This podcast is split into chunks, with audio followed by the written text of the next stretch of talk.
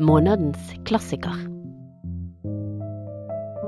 En podkast fra Bergen offentlige bibliotek. To whom do I owe the power behind my voice? What strength I have become, yeasting up like sudden blood from under the bruised skin's blister. My father leaves his psychic print upon me, silent, intense, and unforgiving. But his is a distant lightning. Images of women flaming like torches adorn and define the borders of my journey, stand like dikes between me and the chaos. It is the image of women, kind and cruel, that led me home. To whom do I owe the symbol of my survival? Hei og velkommen til Månens klassiker, en podkastserie fra Bergen offentlige bibliotek. I denne podkasten snakker vi om utvalgte litterære klassikere fra inn- og utland, fra fjernere og nærmere fortid, og gir en grei og kortfattet faglig introduksjon til disse udødelige verkene. Denne måneden skal vi snakke om mesterverket til den amerikanske forfatteren Audrey Lord, nemlig boka Sami, A New Spelling of My Name, som kom ut for første gang i 1982. Mitt navn er Robin van Valle. Jeg jobber som formidler her på biblioteket i Bergen. Og med meg i studio har jeg deg, Nafisa Taraji Nichols. Velkommen. Tusen takk. Takk for invitasjonen. Du er um, førsteamanuensis ved Høgskolen på Vestlandet og forsker og underviser i både engelskspråklig og afrikansk litteratur og kultur, med spesiell spesialisering da i rase og kjønn, eh, afrikansk diaspora og rasisme i nord. Og opprinnelig er du fra USA? Ja, absolutt. Ja, Og har bodd i Norge da tolv Ja. år. Tolv år, ja. ja Veldig fint å ha deg med oss i dag. Tusen takk. Det er veldig fint å være her. Jeg vil gjerne åpne samtalen med det spørsmålet som vi alltid begynner med her i podkasten. Fordi uh, serien heter jo Månens klassiker.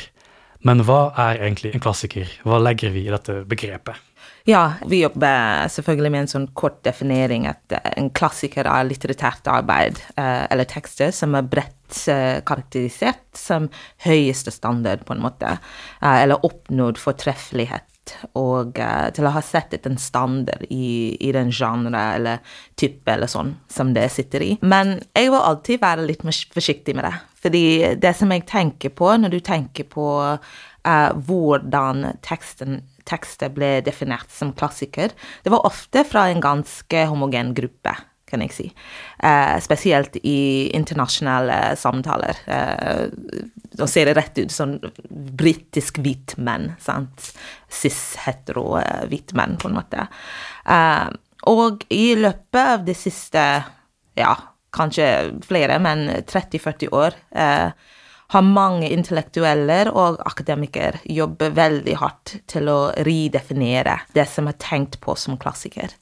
Og så å inkludere kvinnelige stemmer og eh, stemmer fra folk som er eh, flerkulturelle, og eh, svarte stemmer, og stemmer fra andre land. sant?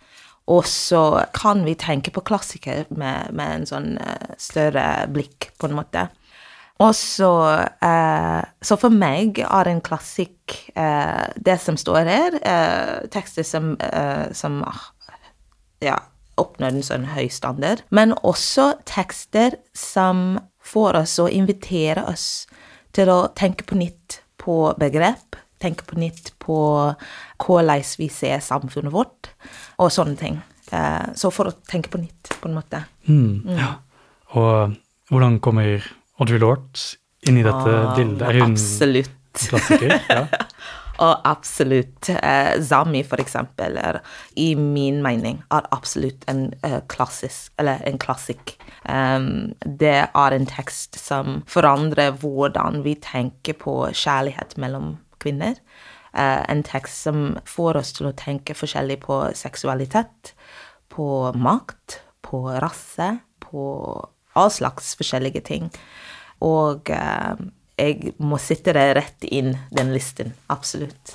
Ja. Så bra. Vi tenker vi kan snakke litt mer om akkurat hva, hva, hans, hva bokas status har vært og er i dag. Men før vi gjør det, så har jeg også lyst til å høre litt sånn personlig med deg. Hvordan, eh, ble du kjent med, med Sami og med Audrey Lord? Hva Ja. var ditt første møte med boka, og, og hva slags inntrykk Ja. gjorde boka da?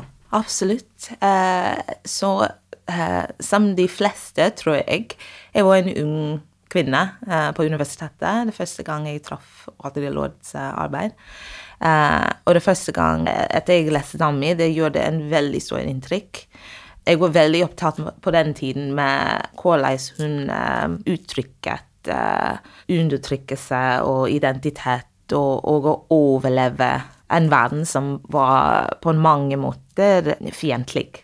Og jeg husker at jeg var så glad for å lese en forfatter som var liksom unapologetic, sant, som vi sier på engelsk, med det som hun skrev om, med hennes beskrivelse av hennes liv som en svart kvinne i New York tidlig i, i 700-tallet, mener jeg. Og jeg husker at det ble som en bibel på en måte for meg. Og jeg eh, jeg var allerede feminist, tror jeg, eh, eller hadde begynt å tenke sånn. Men å lese Zami var nesten en eh, Hva kan du si? Ja, det var nesten å tenke på min egen kraft.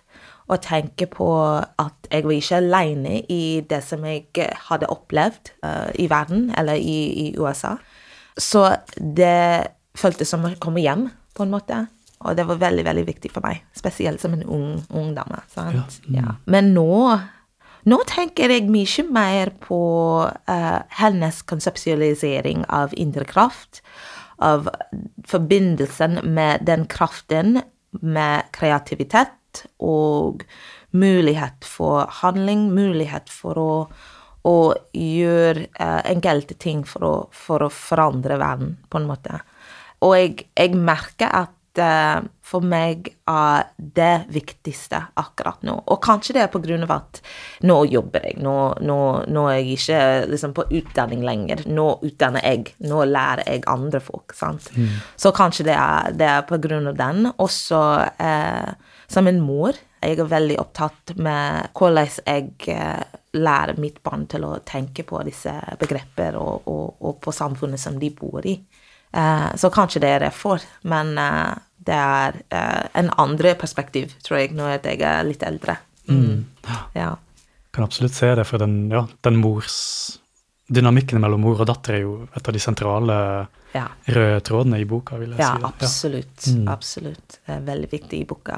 Og hun er litt opptatt med det med, i, i andre ting som hun skriver om. sant? Å være mor selv, og hva Mm. det betyr. Og prøve å, opp- uh, å, å ha et, eh, et barn som er brun, eller et eh, svart barn, i samfunnet. Og hva, hva betyr det? Og hvordan kan man lære barn til å overleve og, og skjønne makten i den verden? sant? Ja. Mm.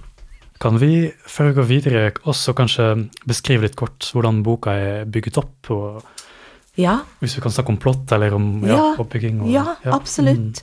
Så Sami er en biomitografi, sant. Mm. Det hvordan hun eh, beskriver det.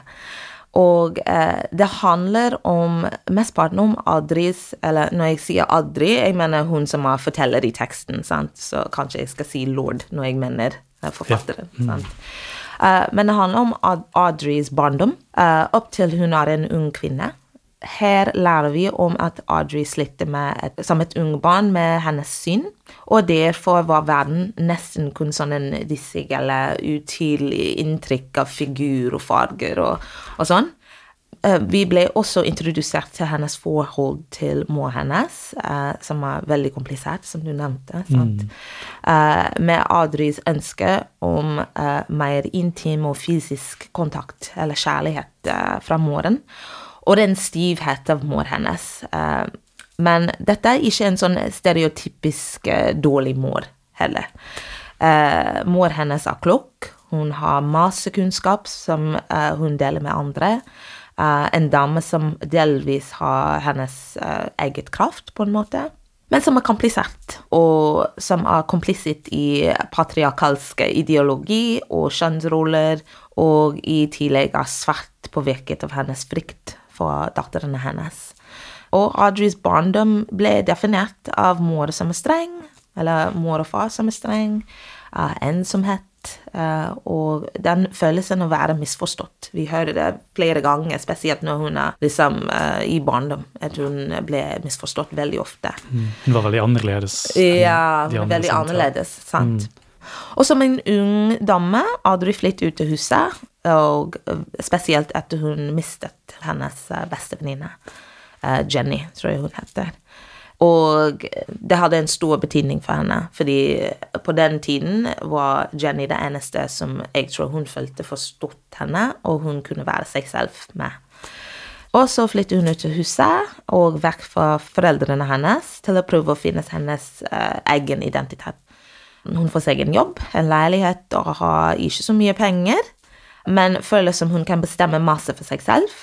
Hun begynner å utforske seksualiteten hennes og lære mye om seg selv gjennom reising og skriving, som er kjempe, kjempeviktig for henne. Og det har vært viktig lenge, sant, siden hun var, hun var barn. Og uh, forhold med hennes lesbiske relasjoner som hun hadde. Eh, slutten av romanen handler om et nesten mytologisk forhold som hun har med en svarte kvinne som heter Afrikette. Og gjennom det forholdet helbreder hun og finner hun hennes eget kraft. Gjennom den linken mellom mor hennes kraft og kunnskap, som jeg nevnte før. Hennes eget indre kraft og spirituality, på en måte. Og så, jeg synes det, det, tas gjennom boken, men det er andre ting som skjer rundt det. sant? Hun har et veldig sånn um, grunnlig blikk i samfunnet, i hva som skjer rundt henne, i McCarthyism og den andre uh, verdenskrig og sånne ting. Og så vi får et blikk inn til den sånn gay scene, lesbe, uh, lesbisk scene, uh, scene i New York på den tiden. Så det er så andre ting som hun kommenterer på og snakker om, og selvfølgelig rasisme og uh, uh, segregation og sånne ting. Uh, så det er alt som, som, skjer rundt henne, som jeg tror skaper hennes forståelse av verden, og hennes forståelse at hun er annerledes på forskjellige måter. Mm. Ja.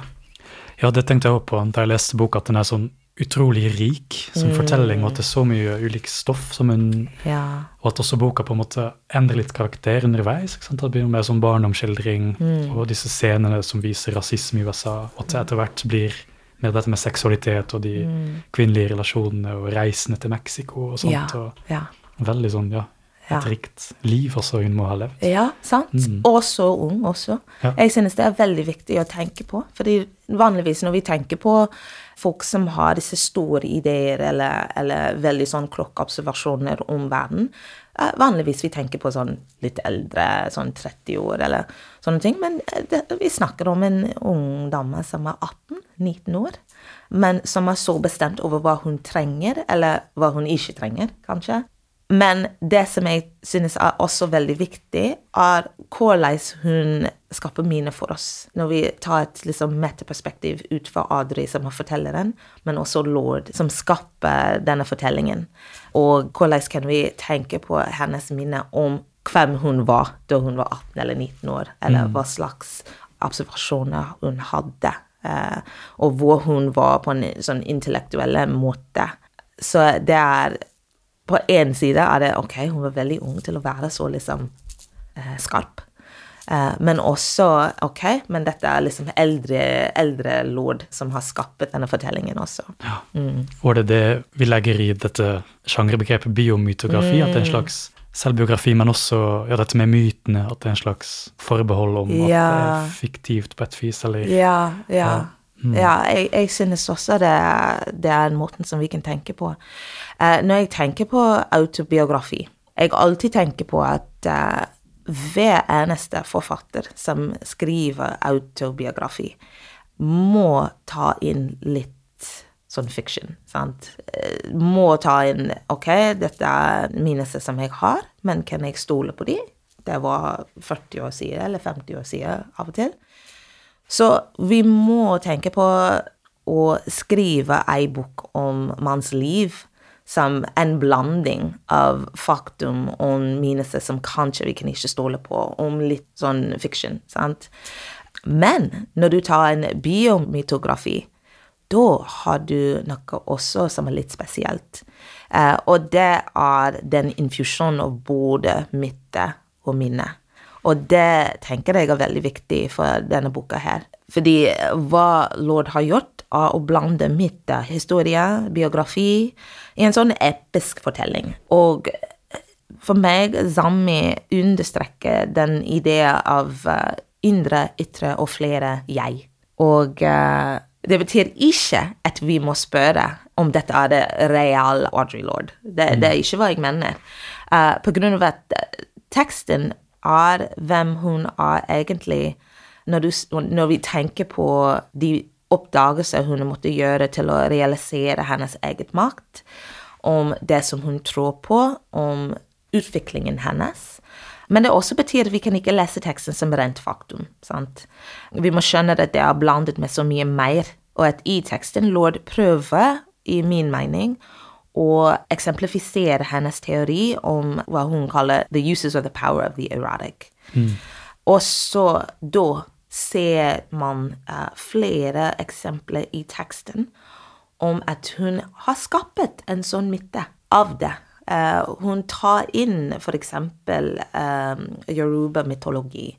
Hun tar inn, uh, eller hun bruker språk som skaper en sånn uh, følelse av dette er en myte, dette er en episke fortelling. Mm. Og spesielt når man ser på disse øyeblikket, hvor hun kjenner i seg selv Sant? At noe har forandret seg, eller nå kjenner jeg matten som jeg har. Så uh, ja, det er en mm. veldig fint eh, genre, syns jeg. Så, så heller enn å prøve å lete etter den autentiske Audrey Lord, så bruker hun seg selv mer som en slags modell for mm. Ja, som andre kan også gjenkjenne seg selv i. Ja, ja, mm. jeg tror det. Jeg tror det, det som du sier, jeg tror er veldig viktig. For jeg tror at hun bruker seg selv som en modell, men ikke som andre må følge etter. Men akkurat som du sa, at andre kjenner seg selv. At andre kjenner deres indre makt også, eller indre kraft. Mm. At hun prøver å skape en sånn Det er nesten, hvis du tenker på sånn uh, Ja, uh, som jeg sa, yoruba-mytologi eller, eller mytologi av andre indigenous grupper. Uh, eller grupper her i Norge. Sant? Samfunnet. Vi alle har en sånn mytologi som vi må få ja, ta hold i, og så eh, bruke for å følge på plass, på en måte. Mm. Og jeg tror hun gjør det med, med, en sånn kvinnelig historie om kvinnelig makt. Som sagt, uh, the uses of Eller det erotiske, på en måte. Kan jeg spørre litt ja, ja, ja. på det, for Altså, 'Uses of the Erotic' mm. det er jo et mm. essay sant, ja, det er et som essay. Mm. del av den der samlingen 'Sister Outsider', mm, mm, der hun skriver annet om at den erotiske kraft også kan være en slags potensiell kraft til endring i samfunnet, og, og også personlig erkjennelse. Og, ja. ja. Eh, det erotiske handler ikke om eh, ja, sex eller, eller, sånne ting. Sant? Det er en del av det, ja. Men akkurat som du sa, det handler om måten som vi kan bidra til kamp mot eh, disse disse sånn oppressive systemer som vi kommer i kontakt med i hverdagsliv uh, og i the sort of wider world. Sant? Og så hun sier at uh, det erotiske er noe som vi har inni seg, som er uh, sånn rooted in i historie, i the maternal. Men ikke bare det heller. Så det er, det er en sånn stor, veldig dypt uh, begrep for henne, synes jeg. Og selvfølgelig, det gir oss makt til å heve stemmen, til å snakke ut om ting. Um, og det som jeg tror også er veldig viktig, er at hun tar uh, et begrep som har blitt brukt mot spesielt svarte kvinner, til å lage stereotyper, til å uh, justify sånn voldtekt og sånne ting i, i løpet av den slaveriperioden. Og hun prøver å snu det, sant, og snakker om det som uh, en større, mer kompleks og dypere begrep. Og jeg synes det er også veldig, veldig viktig. Og hun gjør det veldig ofte med ting. At hun sier nei, det, dette har vært brukt mot oss, nå skal vi tenke på det som en fordel. Mm. Sant? Uh, ja. Så det, ja. Som det med differences også, ikke sant? Ja. Forskjell at, ja. ja Istedenfor at våre forskjeller splitter oss, så er det der vår styrke ligger, og vår kreativitet. Og, ja, mm. ja, absolutt. Ja. I remember how being young and black and gay and lonely felt.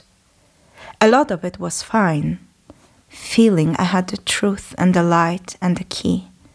But a lot of it was purely hell. There were no mothers, no sisters, no heroes.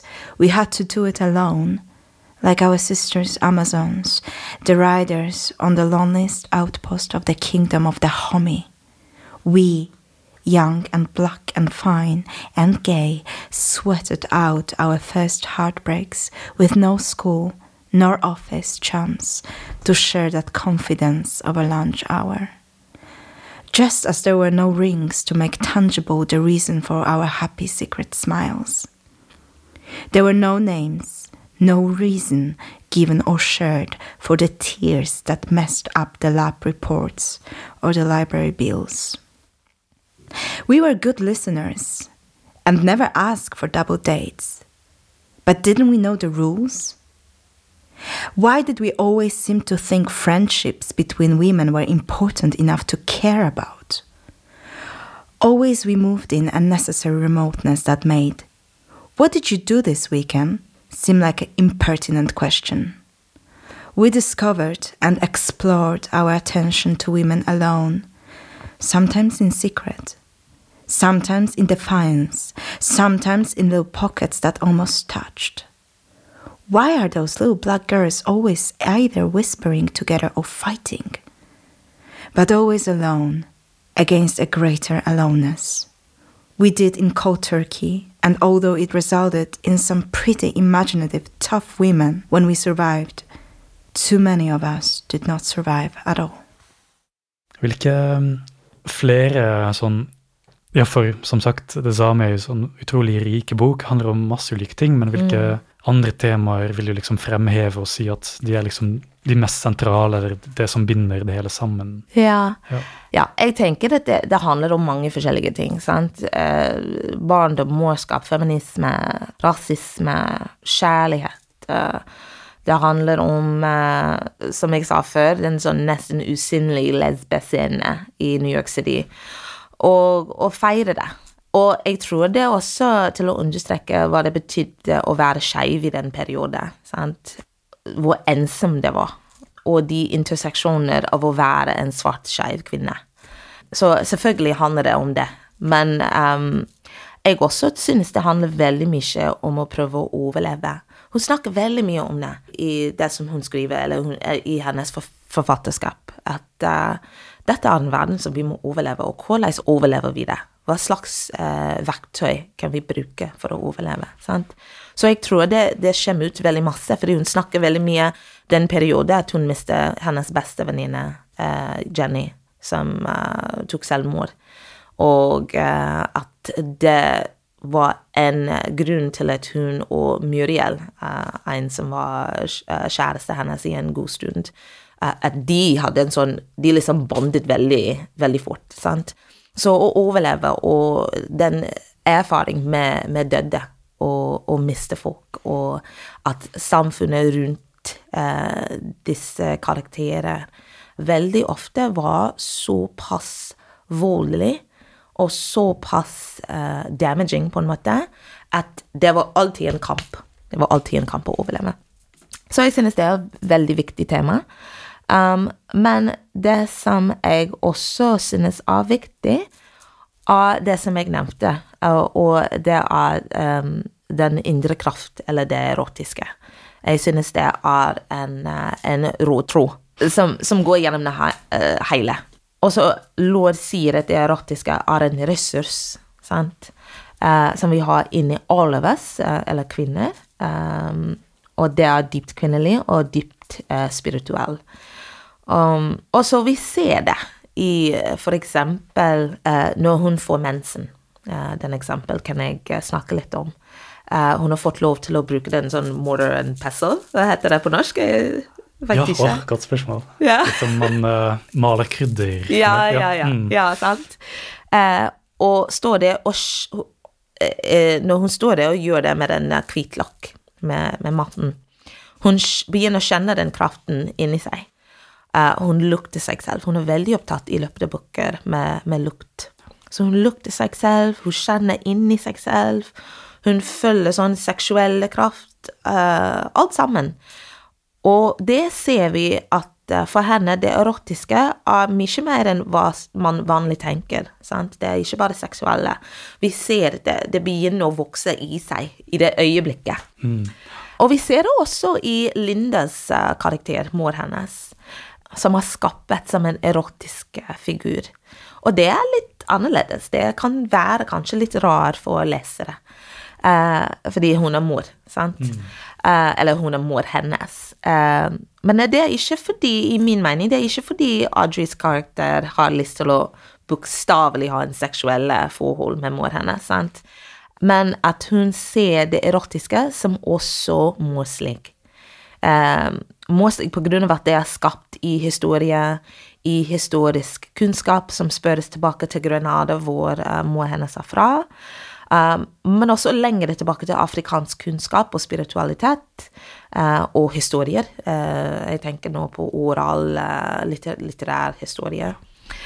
Eh, og selvfølgelig er det erotiske politisk, så det handler om eh, empowerment, sant. Og det avviser og dekonstruerer patrialske forsøk og mishandle og undertrykke denne makten. Og eh, det er derfor, i min mening, forholdet mellom eh, Audrey og Afrikette på slutten av teksten er så viktig. Um, her har lord skapt en figur i Afrikette som inneholder afrikansk mytologi, som jeg nevnte før. Lindas kunnskap om eh, de, de handler mat på det samme stedet som karibiske steder som er liksom litt ukjent, sant? Ikke sånn, eh, sånn mest kjente sted å handle mat. Men også erotisk makt, kjærlighet mellom kvinner osv. Så, videre. så den siste forhold som vi leser om i teksten, synes jeg er veldig viktig, fordi det liksom samler alt som hun har plukket opp i løpet av teksten. Alt bygger opp til den ene Ja. Ja. ja Mm. absolutt. Ja. Så jeg synes det er et veldig viktig tema, eh, og det er på en måte det som hun prøver å fiksjonalisere i teksten, det som hun har allerede liksom teorisert, på en Ja, måte. ja. Mm. Ja, jeg syns absolutt også det var, da jeg leste det, noe av det som gjorde mest inntrykk på meg, da, de der ekstremt vakre, sanselige beskrivelsene av, av kropp og lukt og i de der kjærlighetsmøtene med de ulike kvinnene. og. Så utrolig poetisk og vakkert beskrevet. Ja, Så, absolutt. Absolutt.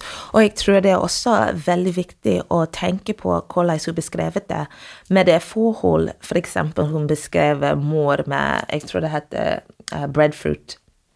Uh, breadfruit-lukten.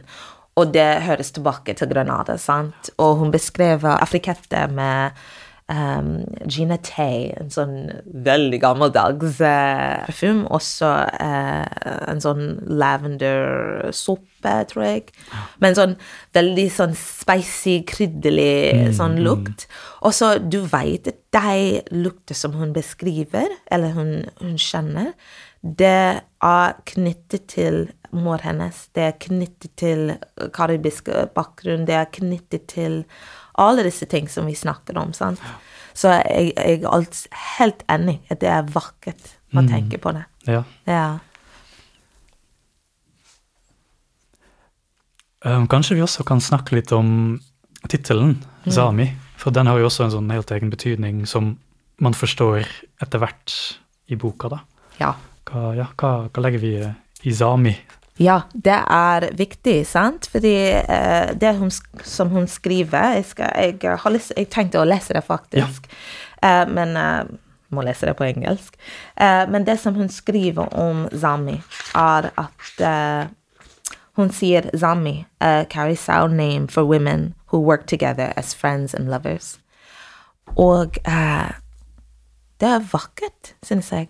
Fordi hun snakker om en dypere kjærlighet enn bare eh, seksualitet. Sant? Og hun snakker om det veldig mye når hun snakker om eh, disse forholdene som hun har hatt, eh, med Udjore for eksempel. Med de damene som hun har et forhold med som det er ikke seksuelt forhold. Som hun velko...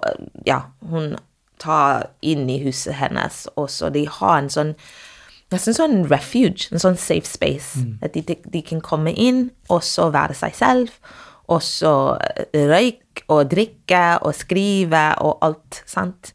Og jeg synes at Zami handler om det. Eh, det handler om vennskap, det handler om kjærlighet. Og det handler om en sånn dyp kjærlighet, nesten for mennesker, for humanity, på en måte. Og så det som jeg tror hun prøver å si, er at på grunn av historie av undertrykkelse av kvinner um, i USA, i Europa, i andre land, overalt Vi har på en måte lost the ability to uh, create societies that are um, founded in den type kjærlighet som hun nevner her. Mm. Um, og det er derfor det er så viktig. sant? Men også jeg tenker på det som hun skrev i tittelen 'A New Spelling of My Name'. sant? Så det er også, eh, når jeg tenker på det, fordi eh, navnet er knyttet veldig tett til identitet. sant? Eh, og spesielt i flere kulturer i, i Karibia, eller karibiske land, i afrikanske land, i, i andre land, søramerikanske land, overalt. Så når hun sier 'a new spelling of my name', det er nesten som hun sier 'en ny skapning av meg selv'. Mm. Uh, og, og, den skapning er fullt av den indre kraft, eller den makten som jeg snakker om, men også fullt av den kjærlighet for meg selv som en kvinne, og for andre, fra den ståsted. Mm. Og det er kjempe, kjempeviktig. Ja, og en slags skapt, eller selskap, tilhørighet i det der fellesskapet som Ja. uh, Ja. ja. Ja, Mm, ja, det er veldig fint. Ja, mm. ja, jeg synes det. I have always wanted to be both man and woman, to incorporate the strongest and richest parts of my mother and father within, into me, to share valleys and mountains upon my body the way the earth does in hills and peaks.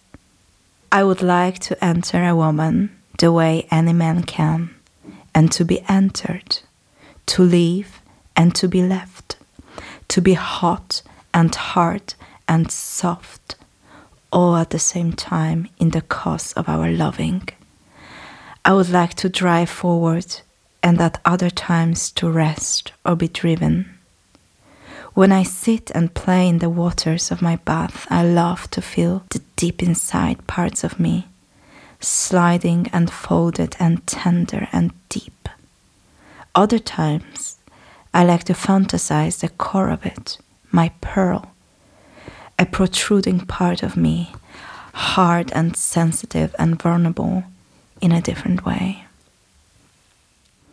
Woman forever, my body, a living representation of other life, older, longer, wiser, the mountains and valleys, trees, rocks, sand and flowers, and water and stone, made in earth.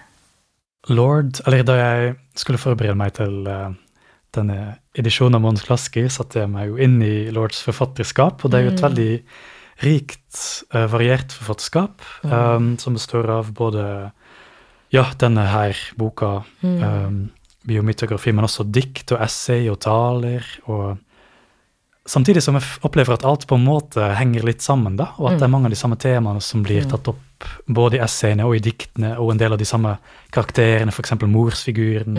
Så er det også slik du opplever det, at det er litt sånn slags Ja. he he ja, helhet i hele Ja. forfatterskapet? Ja, jeg tror det. Eh, Jeg er enig. Jeg, eh, jeg tror hun Flere ting, og det er tingen at eh, Det som hun skriver om, og det som hun er opptatt med, det er så rik, og det er så mange ting samtidig. Men jeg tror du, det er riktig, eh, fordi jeg tror hun er veldig opptatt med, eh, med en kamp mot en rasistisk, eh, kjønnsdiskriminerende og homofobisk verden. Sant? Det, det er hun veldig opptatt med. Og selvfølgelig ser vi den i hennes forfatterskap. Men også hun er opptatt med kjærlighet, med døde, med liv, eh, med morskap osv. Eh, og jeg synes at eh, Lodde er en sånn forfatter som anerkjenner oss og oppmuntrer oss til å heve stemmen, til å tro på accountability, til og med til å confront til og med de som vi er venner med eller kjent med. Eller. Og jeg tenker, for eksempel, jeg tenker på um, den bevegelse som hun var liksom ja, ved siden av eller involvert i, eller, eller kritiserte veldig mye.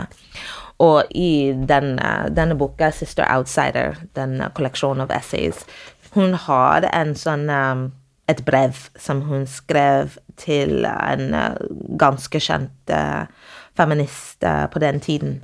Og det var noen som hun kjente veldig godt, men hun, som hun var liksom skuffet i noe hun hadde skrevet som var liksom uh, Sort of erased black women's experiences. Og hun skrev et brev til henne, og så fikk ikke svar, sant? Og så da uh, legget, uh, Eller hun lagt ut uh, på offentlig miljø, eller offentlig. Mm.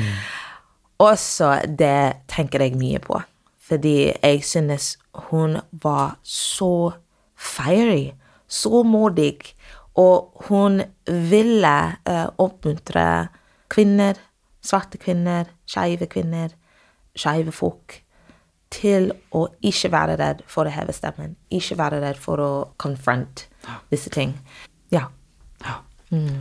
Og hvis um, du ville anbefalt et, uh, et, annet verk av henne til f.eks. de som blir veldig ja, ja. inspirert av sami, men hadde, ja, hva hadde du valgt? Sister ja, Sister Outsider, selvfølgelig. Mm. Sister Outsider er en tekst som uh, Både Sister Outsider og Sami, uh, men Sister Outsider er en tekst som jeg kommer tilbake til hele tid. Uh, jeg brukte det i, i doktorgradsavhandling, jeg bruker det i, i ja, ting som jeg skriver om nå. Det er uh, en sentral bok, synes jeg. Um, men også, jeg vil si at vi kan ikke glemme, som du sa, ditt. Sant? Um, from a land where other people live, uh, synes jeg er kjempeviktig uh, Black Unicorn, hvor hun i Black Unicorn hun tenker mye mer på mytologi, på afrikansk mytologi, og hun tar det inn til diktene hennes, og det er veldig sentralt. Så uh, det er mange som synes det er liksom hennes beste verk, på en måte. Uh, så ja, de tre vil jeg absolutt anbefale. Ja, ja. fint. De diktene er jo oversatt til norsk, eller et utvalg av de. Så, ah, men ikke ja. Sister Outsider ennå, så det Ja. Men vi får håpe det, det kommer, kommer, også. Ja, sant. Absolutt. Audrey Lord, uh, som vi har vært inne på, var jo også ikke bare poet og forfatter, men også veldig sånn framtredende som intellektuell og aktivist. Mm, sant? Og, ja. Men kanskje kan vi snakke litt om hva slags innflytelse bøkene har hatt, både i samtiden og sånn etterpå? Hva slags ja, ja. status har hun både i feminismen og i de andre strømningene, ja. både før og i dag? Ja, ja. absolutt. Mm. Det som jeg tror er veldig viktig, er at du ser aldri Lords mest eh, Eller viktigste, eller ikke bare viktigste, men du ser hennes konseptualisering av rasisme, av feminisme og av makten som kvinner har. Du ser det i samtidig feminist scholarship, sant? Og du ser det i samtidig feminister, spesielt black feministe, svarte feminister, politikker, eller den samtidige feministe, svarte feministe eh. Når du tenker på essay som 'The Master's Tools Cannot Dismantle the Master's House', det essay tror jeg har virkelig skapt retningen som den svarte feministbevegelse har gått i. Uh, smarte feministteori. Og beyond. Sant? Ikke bare svarte feministpolitikker og, og, og teori, men, men decolonial og postcolonial verk har det virkelig uh, hadde uh, en påvirkning på. Så, men ikke bare det. Erotiske makt, som vi snakker om. Um, hun har hatt en svært stor inntrykk på forfatterskap av mange. Tilbake i hennes tid, da hun uh, levde, var hun kjempe, kjempeviktig.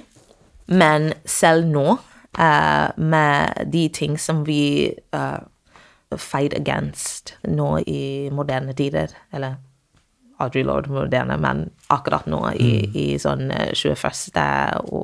hundreår, um, vi møtte det samme utfordringer på mange måter. Selv om, ja, selvfølgelig har ting forandret seg, og selvfølgelig har ting forbedret seg. Men det er mange ting som har ikke, eller som, som er veldig komplisert og tar veldig lang tid. Og eh, vi må gå tilbake til Audrey Lord fortsatt. Mm, ja. For det var altså på en måte det siste spørsmålet som vi alltid stiller til gjestene våre, som hvorfor skal vi lese den Ja. akkurat i dag, akkurat i Norge? Ja. Men er det det som er viktigste grunnen, at vi fortsatt ser de samme Samme temaene? Ja, Ja, mm. absolutt. Jeg kan tenke på um, Jeg tror at um, i Norge selvfølgelig er uh, den samtalen om disse temaene, feminisme og rasisme og sånne ting, det er veldig komplisert. Og vi selvfølgelig må være forsiktige, at vi ikke, tar, ikke må prøve å ta eh, feminister eller teori fra afroamerikansk kontekst inn til Norge og bare liksom impose eh, disse begreper og konsepter og, og, og, og eh, teori på eh, den, den norske kontekst. Men samtidig ser vi mange av de samme Dynamikkene, kanskje? ja, eller ja, sånn, ja. absolutt. Mange, eh, masse er det samme dynamikk. eh, dynamikk. Eh, jeg kan tenke eksempel om Jeg skal ikke si så mye om det, men jeg kan tenke eksempel om uh, dette som har skjedd nå med Sumaya Yeda Ali. Sant? Og hvor interseksjonelt denne situasjonen er. For det handler ikke bare om at hun er eh, en svart kvinne, eh, svarte person, eller en flerkulturell person, men det handler også om at hun er kvinne. Sant? Og, muslim, og, og muslim, intellektuell. Og, ja. intellektuell, og heve stemmen. Eh, sant? Og hun, hun nevnte det i den intervjuet som hun hadde her om dagen, at eh, på grunn av at eh, eh, hun er sånn innvandringer, som de sier, så må hun være takknemlig. Sant? Hun må ikke heve stemmen. Hun må være liksom Nei, tusen takk at jeg får, får lov å være her. Sant? Men det er kjempe, kjempeviktig at uh, hun gjør det. For hun, hun har så viktig stemme når det, når det gjelder å uh, sånn kalle ut de stereotyper som går rundt om innvandrergrupper. Og, um, og Men jeg tenker på Audrey Lord med en gang Ja. når jeg ser så modig uh, og viktig stemme som kommer ut her i Norge. Sant? Fordi det er akkurat hva hun sier. Your silence will not protect you. Your silence will not protect you. Absolutt. Sant? Så jeg synes at å lese henne akkurat nå er svært viktig. Absolutt. Ja. Mm. Helt enig. Og det har vært en veldig berikende opplevelse for meg i hvert fall å bli kjent med ja. Audrey Lord. Ja. Ja, absolutt. Jeg tror vi blir nødt til å avrunde der. Ja.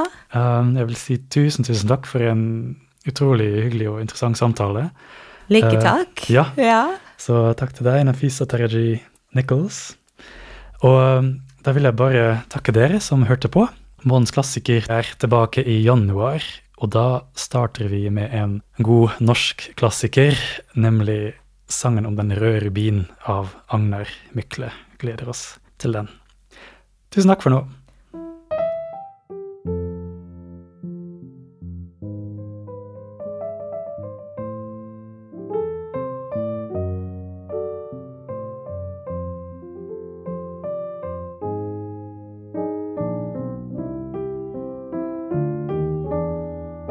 Du har lytta til en podkast fra Bergen offentlige bibliotek. Du finner flere podkaster fra oss på våre nettsider bergenbibliotek.no, eller der du lytter til podkast.